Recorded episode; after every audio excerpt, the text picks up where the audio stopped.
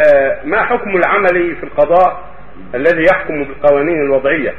وكذلك العمل في البنوك الربوية الذي إذا تركها تمكن منها غير المسلمين. هذا لا يجوز. يجب منع الربا وعدم الموافقة عليه والاجتهاد في تطبيق أحكام الله الشرعية في البنوك وغيرها.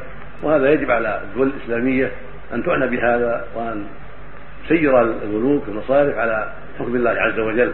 وأن تبذل الوسع في ذلك حتى تستقيم البنوك في البلد الإسلامية على شريعة الله وأن تمنع الربا منعا باتا وهكذا القوانين الوضعية يجب أن تمنع إلا ما وفق منها شرع الله عز وجل. فيجب على الدول الإسلامية أن يحكموا كتاب ربهم وسنة نبيهم وأن يحذروا السير مع أعداء الله في تحكيم تحكيم القوانين الوضعية التي تخالف شرع الله.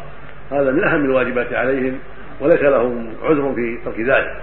بل يجب عليهم وجوبا قطعيا أن يحكموا شريعة الله إن كانوا صادقين في دعواهم الإسلام. عليهم أن يحكموا شريعة الله وعليهم أن يجتهدوا أيضا في تسيير المصارف على النهج الإسلامي البنوك على النهج الإسلامي في منع المعاملات الربوية وأن يستعينوا بأهل العلم في ذلك حتى يضعوا ما ينبغي وضعه للسير عليه في البنوك وفي غير البنوك من الأشياء التي يتعاطاها الناس مخالفة للشرع.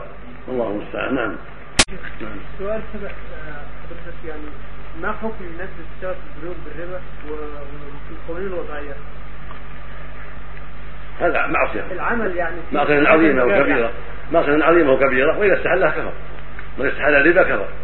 من استحل الحكم بغير ما أنزل الله كفر.